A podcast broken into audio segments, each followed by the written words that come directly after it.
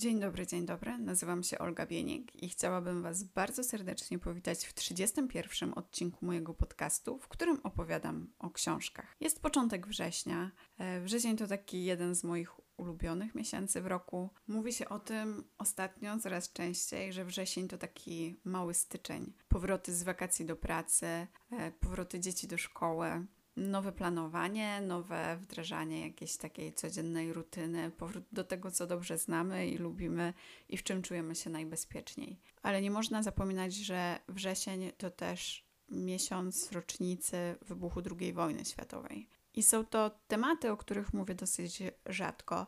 Ostatnio zostałam nawet zapytana o to, dlaczego e, rzadko poruszam tematy II wojny światowej i Holokaustu i dlaczego mówię, że nie lubię za bardzo czytać takich książek i takich tematów poruszać, a więc e, czuję się w obowiązku trochę wytłumaczyć. Wbrew temu, co mogłoby się wydawać, bo dosyć często mówię o trudnych sprawach i y, czytam reportaże takie mocno dołujące też dosyć często, no to ja nie za bardzo lubię się dołować i mnie takie rzeczy naprawdę przytłaczają. Ja to potem strasznie rozkminiam gdzieś tam w głowie i zastanawiam się, dlaczego tak jest, dlaczego tak musi być, y, czy na pewno musi, czy można by to było jakoś zmienić. No a co ja mogę? Taki wiecie, mały człowiek gdzieś tam mieszkający w jakimś Jarocinie. No mogę niewiele, jednak chcę poznawać świat i chcę dowiadywać się więcej i chcę wiedzieć, że gdzieś tam poza tym naszym bezpiecznym dosyć ogródkiem dzieją się różne rzeczy, które z bezpieczeństwem mają niewiele wspólnego, że jest masa ludzi na tym świecie, którym żyje się źle. I często, żeby wiedzieć, dlaczego tak jest teraz w różnych rejonach tego świata, trzeba poznać ich e, historię i genezę różnych problemów, z którymi mamy do czynienia dzisiaj. Natomiast jeżeli chodzi o II wojnę światową, szczególnie tutaj na terenach Polski i Europy, i jeżeli chodzi o to, jakie konsekwencje ona przyniosła ze sobą i o to, no, że ten świat, który znamy, ten świat zachodni, nazwijmy to w cudzysłowie, jest jaki jest i jak się te jego losy toczyły, a szczególnie losy Polski, no to ja to wiem i nie za bardzo mam jakąś taką wielką y, potrzebę wewnętrzną pogłębiania tej wiedzy, ponieważ mnie to strasznie dołuje, nie potrzebuję już dużo więcej zrozumieć. No ale tak się wydarzyło, że Rafał Hetman postanowił napisać książkę Izbica Izbica która dotyczy tego właśnie okresu i opowiada o Holokauście i o historii Żydów zamieszkujących jedną z niewielkich lubelskich miejscowości, właśnie Izbice zresztą. A ja Rafała Hetmana bardzo cenię, szczególnie jeżeli chodzi o jego polecenia reportaży i o wiedzę na ten temat i śledzę jego podcast, chociaż tutaj może bardziej by pasowało stwierdzenie śledziłam, bo od marca nic tam Rafał Hetman nie publikował nowego.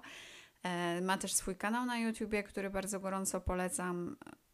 Też pokazuje tam naprawdę świetne reportaże. Więc mimo, że zupełnie się nie znamy prywatnie, żeby tutaj czasem ktoś tak nie pomyślał, to nie wyobrażałam sobie, żeby nie sięgnąć po ten reportaż, e, żeby nie zobaczyć, jak osoba, która zna się na reportażach, poleca je i z której poleceń ja sama korzystam, e, sobie z tym trudnym zadaniem napisania reportażu poradziła.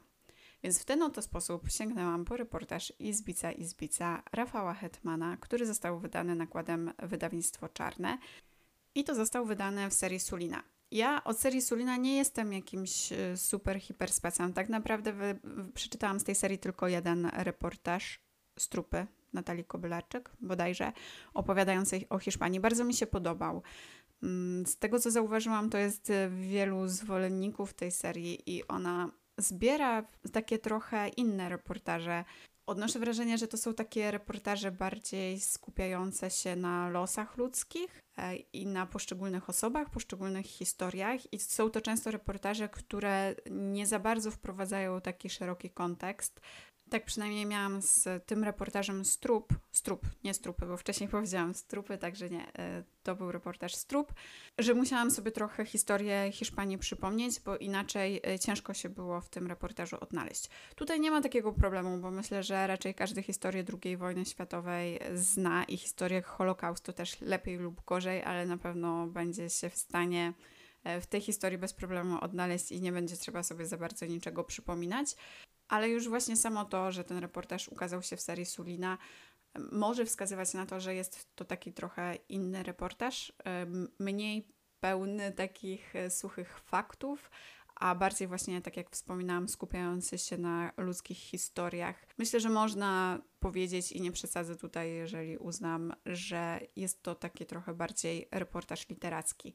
Mi się to bardzo podoba. Ja lubię takie trochę inne reportaże. Zresztą dobra, ja lubię wszystkie reportaże. Już nieraz wspominałam, że jeżeli chodzi o reportaże, to jestem bardzo mało obiektywna. Naprawdę reportaż musi być kiepski i e, muszą się w nim mocno fakty nie zgadzać, żeby mi się nie podobał. No dobra, ale do brzegu, bo gadam tutaj już 6 minut i e, niewiele jak na razie o książce. Izbica Izbica, tak jak wspominałam, historia małego miasta położonego w województwie lubelskim, e, które było gettem tranzytowym w czasie II wojny światowej. E, getto tranzytowe to takie miejsce, do którego byli zwożeni Żydzi z wielu różnych stron. Byli osiedlani w danej miejscowości i potem z tej miejscowości wywożeni do obozów koncentracyjnych. Ze wszystkich mieszkańców tego niewielkiego miasteczka wojnę przeżyło zaledwie 23 osoby, Żadna z nich nie chciała ponownie osiedlić się w Izbicy, co zresztą już samo w sobie jest w pewien sposób znamienne i podpowiada nam, że Izbica, szczególnie po II wojnie światowej, nie była miejscem przychylnym Żydom. Przyznam szczerze, że to jest przerażające, gdy czyta się taką książkę. No, na wstępie opowiadana jest jakaś historia różnych osób, trochę Polaków, głównie Żydów a w końcu dochodzimy do miejsca, w którym wymienione są 23 nazwiska z krótkim rysem, co się z tymi danymi osobami potem po wojnie i w czasie wojny działo i jak udało im się przeżyć i jak dalej potoczyły się ich losy. I to jest przerażające, że ze wszystkich Żydów, którzy w Izbicy mieszkali, zostało ich tak mało, że ich losy są w stanie zmieścić na kilku stronach jednego reportażu. Naprawdę to trochę tak wciska w fotel i daje do myślenia, a na pewno robi ogromne wrażenie. Takie smutne wrażenie, takie, z którym zostaje się potem na dłużej. Izbica to miejscowość, w której obok siebie żyli zarówno Żydzi, jak i Polacy, choć tych Żydów było więcej. I w książce tej można znaleźć też opowieści o ich wzajemnej relacji, e, opowieści o tym, czy pomagali potem y, Polacy Żydom, czy nie pomagali, o tym, że niektórzy próbowali się dorobić na cudzym nieszczęściu, ale również o ludziach, którzy próbowali pomóc i chcieli pomóc, albo o ludziach, którzy zachowali pewną taką neutralność, chociaż nie wiem, czy to jest dobre słowo, ale po prostu ani nie pomagali, ani nie szkodzili, ponieważ najzwyczajniej w świecie bali się y, o swoje życie i o los swoich bliskich i nie byli zdolni do bohaterstwa. Ja zawsze uważam, że też e, trudno mieć komuś za złe, że do bohaterstwa zdolny nie był. E, trzeba zawsze pamiętać, że to była wojna i że wszyscy byli w niebezpieczeństwie. Ale jak dla mnie jest to przede wszystkim reportaż o pamięci, albo raczej o naszej niepamięci i o tym, jak łatwo było zapomnieć i w ogóle zetrzeć gdzieś obecność Żydów z kart pamięci i e, z takich kart pamięci tej miejscowości, ale nie tylko tej miejscowości, ponieważ e, w tym reportażu jest taki rozdział, który opowiada o różnych e, miejscowościach i o tym, jak autor przejrzał różne strony różnych gmin, powiatów, miast, miasteczek, w których Żydzi żyli i nie znajdziecie tam na ten temat ani słowa. I to też jest porażające, i myślę, że właśnie mm, o tym głównie jest ta książka, czyli o tym, jak szybko zapomnieliśmy, o tym, jak chcieliśmy zapomnieć. Nie wiem, trudno mi jest oceniać, czy wynika to z jakiegoś takiego naszego polskiego wstydu o to, że dopuściliśmy do tego, żeby taka tragedia się wydarzyła. E, czy może jednak z czegoś innego, bo też trzeba pamiętać, i o tym jest e, sporo w tym reportażu, że w momencie, kiedy e, Żydzi zniknęli z przestrzeni publicznej, w którym żyli Polacy, to zaczęliśmy zajmować ich nieruchomości, ich majątki. Zaczęliśmy się osiedlać w tych miejscach, w tych mieszkaniach, w tych domach, w których żyli przed II wojną światową Żydzi. Także lepiej jest nie pamiętać. No, łatwiej jest nam nie pamiętać, bo jednak wiele osób w tamtych czasach z tyłu głowy mogło mieć jakieś wyrzuty sumienia albo mogło się najzwyczajniej w świecie martwić o to, że ktoś wróci i się o dane ziemie i o dane nieruchomości najzwyczajniej w świecie upomni i będzie miał do tego prawo. A wiecie, jak to jest, jak jedno, drugie, trzecie pokolenie przemilczy, to czwarte na pewno nie będzie o tym wiedzieć i na pewno nie będzie o tym pamiętać. I myślę, że e, patrząc z takiej perspektywy, to jest strasznie ważna książka, naprawdę, bo ona nie tylko opowiada historię tego, co się wydarzyło, nie tylko opowiada o ludziach, e, którzy tam żyli i których teraz e, między nami nie ma i za bardzo nawet nie ma ich potomków, bo wyginęły całe pokolenia rodzin. Bo to też jest ważne, ale o tym mówi wiele publikacji ale niewiele publikacji przypomina o tym, że trzeba pamiętać, że trzeba pamiętać, że nie można gdzieś tam z kart historii pewnych rzeczy wycinać, że ważne jest to też w takiej pamięci danych małych społeczności i tych takich małych ojczyzn i e, żeby te miasta i miasteczka, w których przed II wojną światową żyli głównie Żydzi, a takich miast naprawdę jest mnóstwo, pamiętały o tym, kto w nich mieszkał, tak naprawdę to całkiem niedawno i żeby jakoś upamiętnić tych ludzi i żeby o tym mówić i żeby o tym uczyć, a nie zakrywać to jakąś płachtą milczenia ze względu na swój strach czy wstyd. Bo jak o czymś nie mówimy, nie pamiętamy i nie uczymy, to to w pewnym momencie znika. A myślę, że to jest tak ważny element naszej historii, który nas tak strasznie dużo uczy i z którego powinniśmy wyciągać wnioski, że no nie możemy nie pamiętać.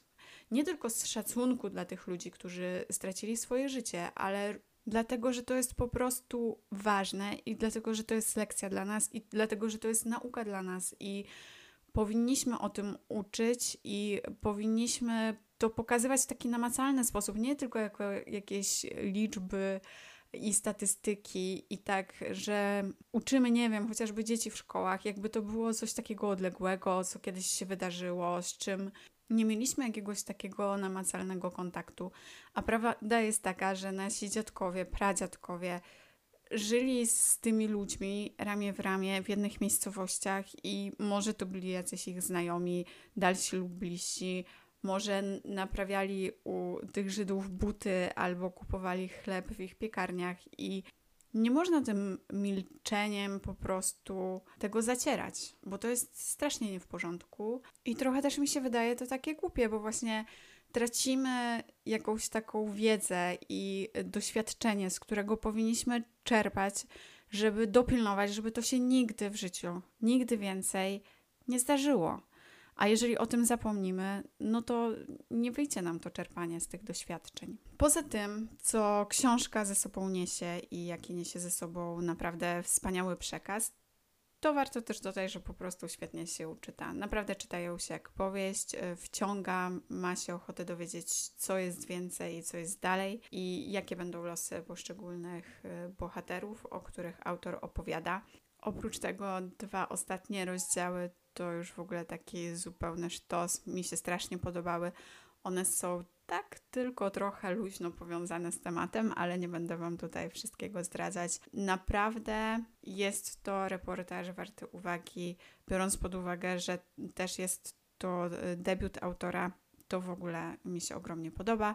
Wiem też, że Rafał Hetman pisze jakąś książkę aktualnie. Nie wiem jaką, ale y, ewidentnie dzieli się tym na swoich mediach społecznościowych, że ją pisze, więc ja już się nie mogę doczekać i na pewno znowu po nią sięgnę. Na koniec, tak wracając do tej niepamięci, to muszę Wam y, przyznać się, że ja pochodzę z Łukowa. To jest miasto w województwie lubelskim również które przed II wojną światową w trzech czwartych było zamieszkane przez Żydów. Mówiąc w trzech czwartych, to może niewiele Wam mówi. Generalnie e, mieszkało tam 8 tysięcy Żydów przed II wojną światową. E, również było to takie getto tranzytowe, także tak jak w Izbicy byli tam zwożeni Żydzi z różnych stron świata, e, żeby potem zostać przewiezieni z tego getta tranzytowego do obozów koncentracyjnych. E, I z tych 8 tysięcy osób, które mieszkały przed wojną w Łukowie, przeżyło, tego do końca nie wiadomo, zależy w jakie źródło się spojrzy, między 150 a 200 osób. Także historia tak naprawdę jest bardzo podobna. I ta książka skłoniła mnie do tego, żeby e, sporo na ten temat poszperać i jestem w trakcie szperania. Wbrew pozorom, naprawdę takich źródeł informacyjnych w samym internecie jest e, całkiem dużo. Też znalazłam, że na ten temat powstała jakaś e, publikacja naukowa. Może uda mi się ją kiedyś zdobyć i dowiedzieć na ten temat więcej, bo ja jestem właśnie przykładem tego, że na ten temat nie mówiło się zbyt wiele. E, ja oczywiście o tym wiedziałam. Wiedziałam o tym wcześniej, jeszcze zanim sięgnęłam po Izbice. W ogóle wiedziałam o tym jako dziecko, że Łuków to było miasto zamieszkane w większości przez Żydów przed II wojną światową. No i w sumie tyle. Nigdy więcej nie zagłębiałam się w ten temat i e, nigdy się o tym, nie wiem, nie mówiło na apelach w szkole e, podczas, wiecie, apeli rocznicowych z okazji wybuchu II wojny światowej albo nie wiem, na lekcjach historii też się o tym nie mówiło. Mm, chociaż ja i tak żyłam w takim dosyć świadomym domu, mm, tak więc e, jakoś tam tą historię znałam. U mnie w domu nie był to na pewno temat tabu, ale też nie był to temat, o którym rozmawiało się jakoś dużo, więc nie znam za bardzo tej historii w szczegółach. Natomiast szukając tych informacji, e, znalazłam też takie informacje trochę pokrzepiające. To bym chciała pokrzepić Was tak trochę na koniec, że w moim rodzinnym mieście, w którym już no niestety nie mieszkam, ale mówi się o tym coraz więcej. E, są organizowane różne spotkania, E, różne rocznice się upamiętnia, także gdzieś ta historia coraz bardziej e, w mieście zaczyna się pojawiać i coraz więcej o tym zaczyna się mówić. I w sumie zaczęłam się zastanawiać, dlaczego tak jest. I tak sobie myślę, że mm, odchodzą już powoli e, te pokolenia, które dokładnie wojnę pamiętają, i myślę, że coraz łatwiej nam będzie na ten temat mówić, ponieważ ta historia już tak bezpośrednio nie dotyczy nas. Nie wiem, czy rozumiecie o co mi chodzi i czy e, umiem przekazać to, co myślę tak do końca, że to już nie jest nasza trauma. O, może tak, to już nie jest trauma naszego pokolenia. My tego nie przeżyliśmy bezpośrednio, albo nie jesteśmy dziećmi. No, mówię o sobie, mam te 30 lat, i nie jesteśmy dziećmi osób, które przeżyły to też bezpośrednio bo moi dziadkowie tak, chociaż nie za bardzo. Pradziadkowie już y, bardziej, ale mój dziadek na przykład urodził się w 1939 roku, jeden. Mm, zresztą już też niestety y, nie ma go wśród nas.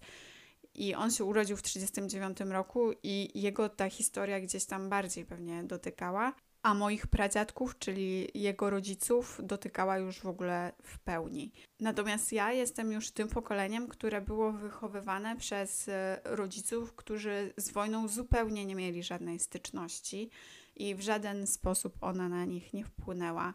Także gdzieś tak właśnie mam takie odczucie i mam taką ogromną nadzieję, że może w związku z tym, że wojna już nie jest naszą traumą, to zacznie się to zmieniać i zaczniemy na ten temat mówić więcej i przestaniemy się wypierać swojej historii. I w ten oto sposób chciałabym zakończyć dzisiejszy podcast. Teraz może na koniec tak przyziemnie, jeżeli Wam się podoba, to będzie mi oczywiście bardzo miło, jeżeli podacie dalej, udostępnicie, y, a mój podcast też polubicie, zasubskrybujecie, czy zrobicie cokolwiek tam się da zrobić w tych aplikacjach podcastowych, z których e, korzystacie. No dobrze, to dziękuję Wam bardzo za dzisiaj i mam nadzieję do usłyszenia za tydzień.